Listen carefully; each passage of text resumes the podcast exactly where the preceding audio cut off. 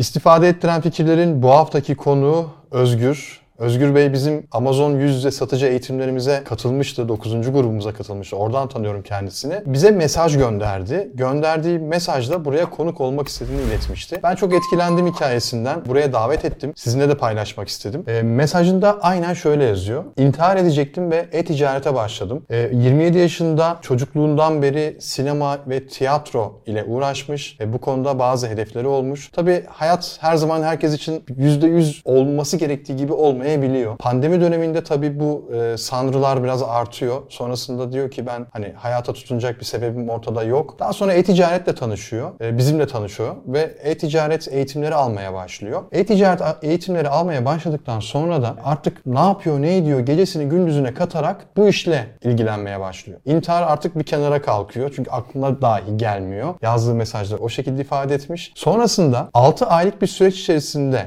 ürün araştırması, satış vesaire derken 6 ayda %40 ila %50 karlılık oranıyla 6000 dolar civarında ciro yapıyor. Çok güzel bir rakam ve işini gittikçe de büyütüyor. Şimdi bine yakın ürün satışı yapmış ve Amerika'da markasız ürünler e, satıyormuş. E, bir başarı hikayesi dinleyeceğiz ama onun öncesinde aslında intihara sürükleyen neydi? Karamsarlığa sürükleyen neydi? Eminim Türkiye'de yaşayıp ya da farklı ülkede fark etmiyor. E, karamsarlığa sürüklenen ve çıkmaz bulamayan, bir yol bulamayan birçok insan var. Birçok potansiyel özgür var öyle söyleyeyim. Dolayısıyla bence herkese ilham olacak ve birçok kişi bu konuda bence istifade edecektir diye düşünüyorum. Hoş geldin Özgür. Hoş bulduk. Teşekkür ederim çağırdığınız için. Ben teşekkür ederim. E, bir de senin ağzından dinleyelim. Özgür kimdir? Bu intihara teşebbüs tabii çok ciddi bir konu ve seni de rahatsız ettiğini farkındayım şu an. Çünkü geçmişte oluyor. Bazen ben de mesela bir konuda hani olumsuz bir şey düşünüyorken onun üzerinden o köprünün altından çok sular geçtiğinde diyorum ki yani ne kadar saçma şeyler düşünüyormuşum. Ve çok böyle insanlara anlatmamaya çalışıyorum. Yani belki intihar değil benimki başka şeyler ama e, sonuç itibariyle e, senin için de bu konu biraz zor olabilir. Ama birçok kişiye ilham olacağı için de e, ben anlatmanı rica ediyorum. Nasıl da hayatın, geçmiş hayatın? 14-15 yaşlarımdan beri ben sanatla, sinemayla çok ilgiliyim. Yani her insanın hayatına dokunabilmenin tek yolunun sanat olduğuna inanıyorum. Çünkü ben o zamanlarda en- ergenlik çağları işte e, ne yapacağınızı bilmiyorsunuz. Ortada bir sistem var. O çarkın içinde mi yer alacaksınız? Aile baskısı, çevre baskısı derken kendimi oraya yakıştıramadım. Yani daha özgün bir şey yapmak istedim. Bu sebeple de tiyatroyla tanıştım. Çok eğlenceliydi, çok keyifliydi. Yani benim için en güzel zamanlar o zamanlardı. Tiyatro yaptığım zaman çocuk tiyatrosu yapıyordum ilk başta. İşte çocuklara 30 dakikalık bir oyun oynuyorduk ama o 30 dakika benim için dünyanın en güzel zamanıydı. Yani geriye kalan bütün zamanların eziyetini alıp götürüyordu. Ondan sonra tabii tiyatro hayatı biraz daha gelişmek istedi. İki senenin sonunda Adana'da Büyükşehir Belediye Tiyatrosu'nda bir hocayla çalıştım. Ee, daha profesyonel ortamlar gördüm, daha profesyonel sahneler, daha e, kalifiye insanlarla tanıştım. O bir tık üste taşıdı beni. Sonra dedim ki ben bu işi dedim İzmir'de yapmak istiyorum. Kendimi İzmir'e attım. İzmir'e atmadan önce kısa film çalışmaları yaptım bol bol. Hatta 3 tane kısa filmimiz. Biri İstanbul'da, biri Eskişehir'de, birisi de Ankara'da e, dereceye falan girdi. Ödül alamadık ama dereceye girdik en azından. Ondan sonra İzmir'e gittim. İzmir'de Alsancak Han Tiyatrosu'nda çalıştım uzun bir süre. İlk gidişim üniversite sebebiyleydi ama sonra üniversiteyle bağ kopardım. Direkt tiyatrodan devam ettik. Alsancak Han Tiyatrosu'nda klasik tiyatroyla tanıştım. Yani o zamana kadar hep çocuk tiyatrosu, işte geleneksel tiyatro, orta oyunu vesaire. Orada klasik tiyatroyla tanıştım. Daha farklı bir dünya, daha farklı bir işte duruş, beden dili, diksiyon gerektiriyor. Daha fazla geliştim yani. Ondan sonra zaten tiyatro, sinema maalesef pandemiden sonra birazcık rafa kalkmak zorunda kaldı. Yani o dönem herkesin hayatında çok şey değişti. Benim hayatımda da değişti. Ondan sonra o dönemlerde kendi evimde kalıyordum tabii İzmir'de yaşarken. Bir çağrı merkezinde çalışıyordum ve işte o zamanlar artık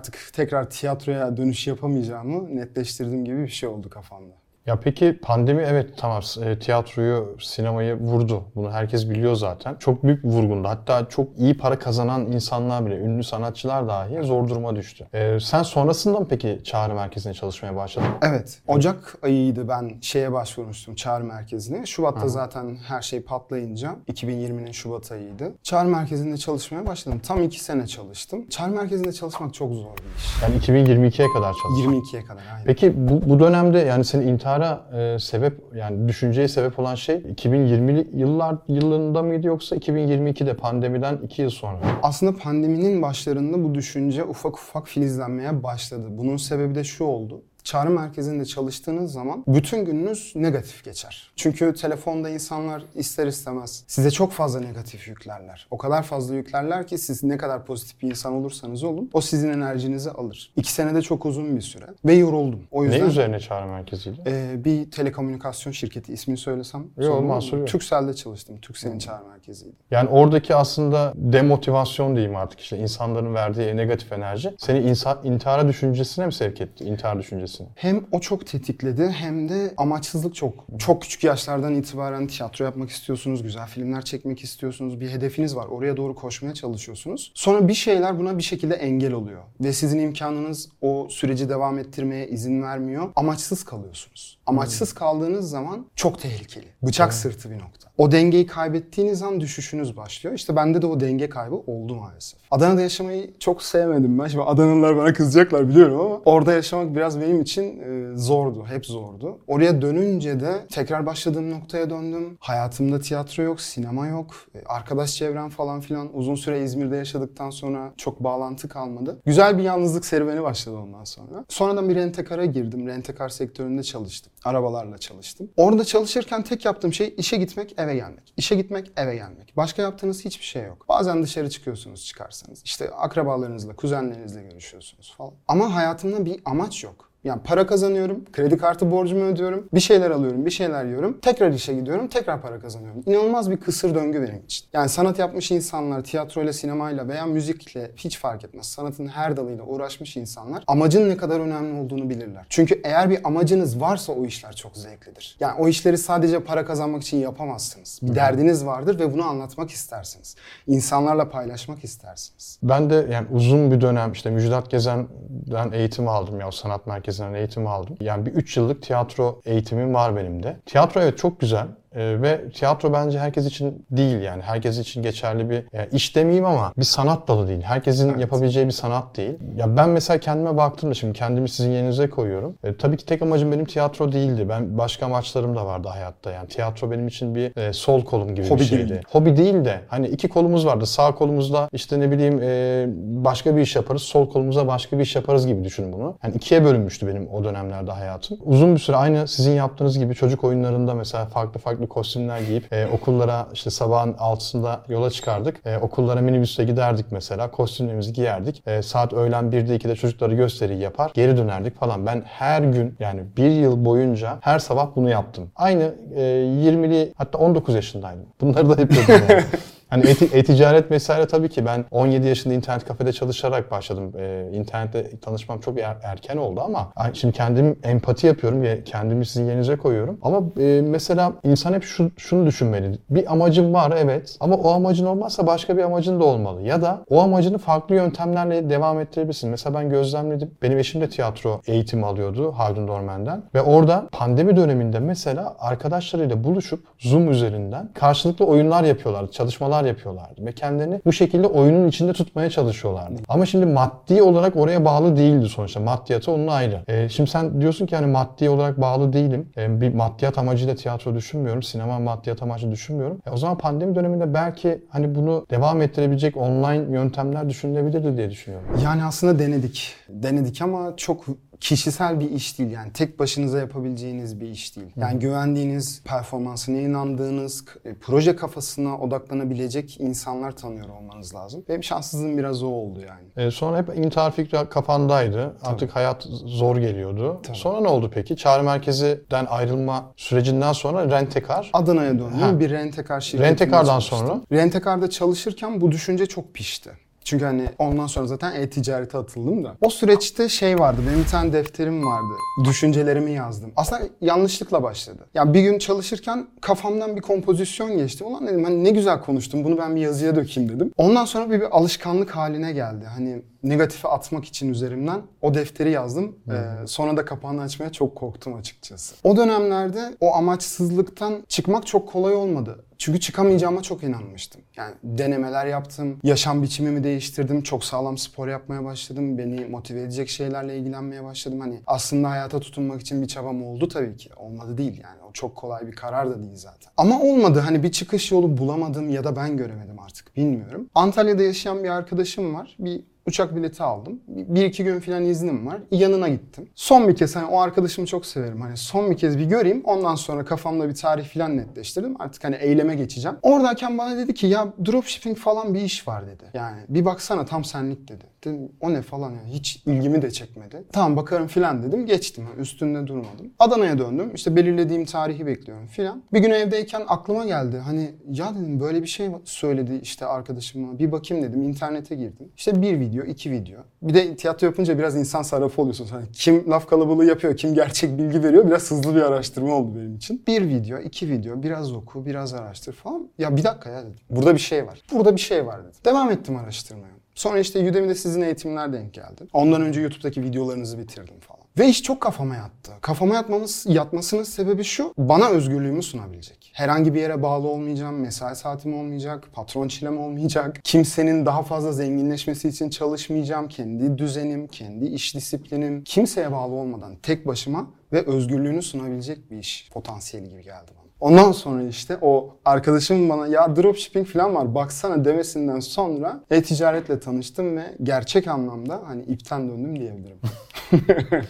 ya Allah korusun şimdi gülüyoruz tabii ama yani gerçekten çok çok zor bir karar ve inşallah kimse bu düşünceye kapılmaz. Yani intihar gerçekten hani son çare de değil yani hiçbir çare yani hiçbir e, sorunun çözülemeyecek çözümü yok bence bu dünyada. Yani aslında İlla ki çözülür yani mutlaka çözülür. Aslında şöyle çöz, çözmek isteyeceğiniz bir şey de yok ortada. Evet. Öyle bir karanlık ki hani İşte yeni meşgaleler bulmak. Yani mesela aslında e-ticaret, Amazon, dropshipping artık neyse sizin için bir meşgale olmuş aslında orada. Yani ben aa bak böyle bir iş var. Çünkü şimdi e-ticaret bir aşk değil, bir tutku değil. Bir para kazanma için yapmış olduğun bir iş. Tiyatro, sinema gibi değil ki. Bir sanat değil sonuçta bu. Yani demek ki ben şimdi psikolog değilim ama şimdi izleyen psikologlar varsa yorum yapsınlar elbette. Konunun altını deşiyorum. Aslında konu maddiyat. Yani ve özgür çalışmak. kesinlikle. Yani özgür çalışamıyorsun, maddi, ekonomik özgürlüğün yok. Tiyatrodan 3-5 bir şey kazanıyordun, o da kesilince. e, diğer işlerden de ufak ücretlere iş yapmak böyle insanı boğar, sıkar. Çok, çok Onu çözdüğünüz için aslında şu an rahatladım. Kesinlikle. O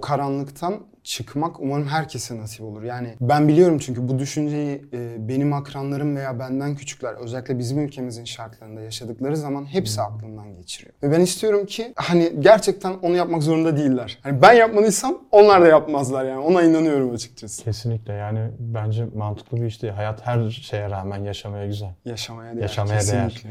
Peki e-ticaret işte baktınız videolar var, o var, bu var. İşte ka- kurcaladınız. Ben kesinlikle bu işi yapmam gerekiyor dediniz. Nasıl oldu ondan sonra? Ne yaptınız? Ondan sonra ya ben e, tiyatrodan kalma bir alışkanlık var. İzleyerek öğrenebiliyorum çok hızlı bir şekilde. Hani bir şeyin nasıl yapıldığını gördüğüm zaman bende çok hızlı oturuyor. Ve zaten e, eğitim videoları genelde çok açıklayıcı, analitik oluyor genelde. Çabuk kavradım mevzuyu ve bir an önce harekete geçmek istedim. Hatta e, beraber çalıştığım bir arkadaşım bir dur bekle, bir iyice öğren, bir iyice araştır. Hayır dedim ya deneyeceğim. Ha, çünkü o eşiktesiniz. O, o eşikte olduğunuzu da herkesle paylaşamıyorsunuz. Ve bir an önce bir girişimde bulunmak istiyorsunuz. Yani bir adım atmak zorundasınız. Attım adımı. Yani attım. O cesareti topladım. Şirketimi kurdum. Hesabımı açtım. Ürünlerimi sipariş verdim. Araştırmamı yaptıktan sonra. Bu bizim eğitimlere gelmişsiniz, yüz yüze eğitimlere. O Evet. ondan önce mi? Ondan önce. Ha, ondan önce yaptınız bunu. Tabii tabii. Ondan önce. Yani sadece eğitim videolarıyla, Udemy'deki ve YouTube'daki videolarla ben başladım. Yani oradaki bilgiler beni doyurdu açıkçası.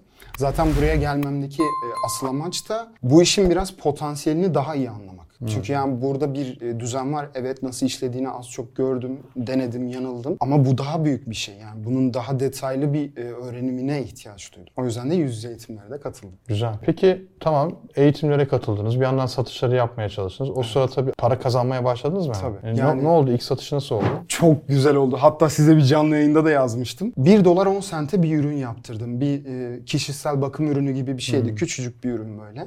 9.90 satış fiyatı var. İşte Amazon feesinden sonra 4.5 dolar falan kar bırakıyor.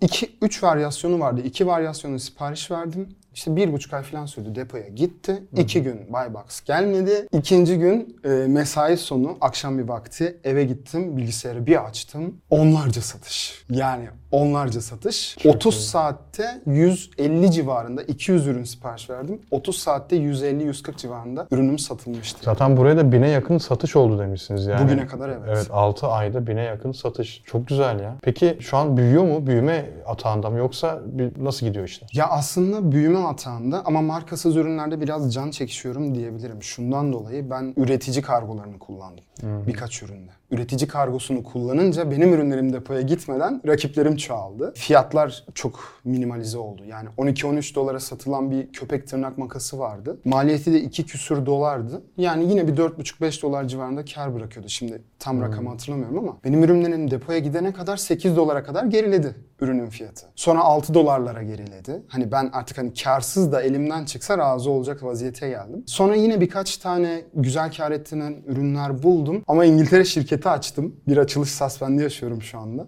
Ee, bu yüzden Amerika'da devre dışı kaldı. Şu an onu çözmeye çalışıyorum. Ama onun dışında gayet güzel gidiyordu. Hatta Mahmut Bey'le konuştuk. Ee, işte private label hazırlığı falan yapıyordum. Yardım ediyordu bana o da. Bizim ekip destek oluyor değil mi hesap tabii. açılışı için? Hesap açılışı için ben birazcık kendim uğraştım. Yalan olmasın. İnşallah çözülür o da ya. İnşallah. Yani şu an o zaman bir duraksama dönemi başladı. Evet, iki haftalık, iki, iki haftalık haftadır. bir duraksama içerisinde. İnşallah çözülür. İnşallah. Tekrar aynı düşüncelere Hayır.